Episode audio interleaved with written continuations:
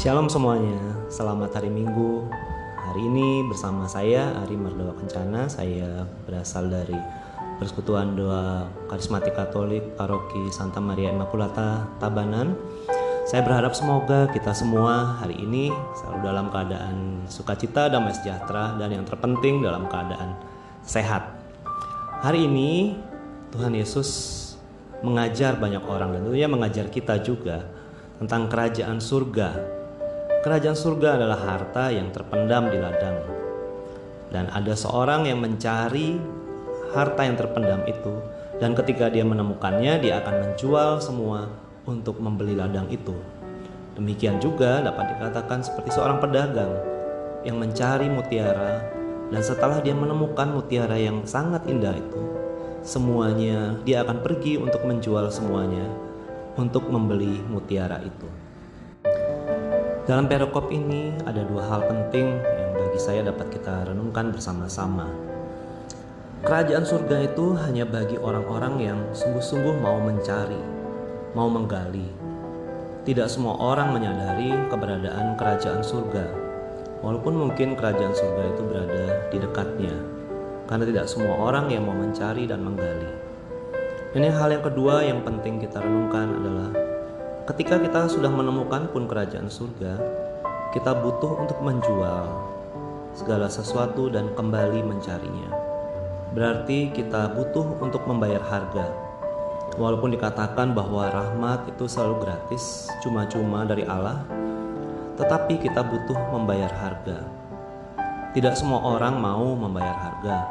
Contohnya, walaupun kita sudah menjadi orang Katolik sejak kecil ataupun sudah dibaptis dewasa, tidak semua sungguh-sungguh mau berjuang untuk hidup sebagai orang-orang Kristen sejati, untuk berjuang mentaati firman-Nya. Banyak dari kita tidak mau membayar harga yang harus kita bayar ketika kita sudah menemukan harta kerajaan surga itu. Untuk memahami hal ini lebih dalam, pernahkah Anda berpikir, apa ya harta terpendam dari Allah sendiri? Harta terpendam dari Allah adalah Anda adalah saya, adalah kita. Dia sudah mencari kita lebih dahulu, kemudian dia menjual semuanya demi saya, demi Anda, demi kita semua.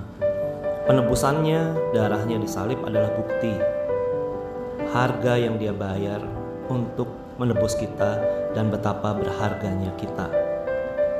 Karena Allah sudah melakukan hal itu, sudah mencari kita dan juga sudah menebus kita membayar harga, kita pun juga sekarang harus mencari Allah, yaitu adalah harta terpendam kita dengan cara yang sama. Jangan hanya puas ketika kita bisa memberikan prioritas bekerja keras di dalam pekerjaan, bekerja keras untuk mencari kekuasaan, untuk menjadi popularitas. Jangan hanya puas ketika hal-hal yang di permukaan yang kita dapatkan, tapi kita juga harus memberikan prioritas untuk menggali lebih dalam, untuk menemukan wajah Tuhan, untuk mencari selalu hikmatnya. Hari ini dalam bacaan pertama, Tuhan memuji Salomo, memberkati dia, karena Salomo begitu bijak. Walaupun dia masih muda dan tidak berpengalaman, dia meminta kepada Allah hati yang paham, menimbang perkara yang baik dan jahat Tuhan memujinya karena dia bukan mencari sesuatu yang berada di permukaan, yaitu dia tidak meminta umur panjang, tidak meminta kekayaan, dan tidak meminta nyawa musuhnya. Harta terpendam Allah adalah Anda, dan harta terpendam kita adalah kita menemukan wajah Allah.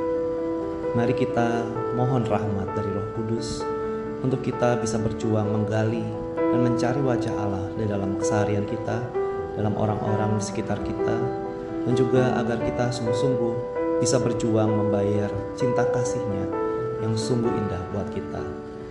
Tuhan memberkati kita semua. Selamat hari Minggu.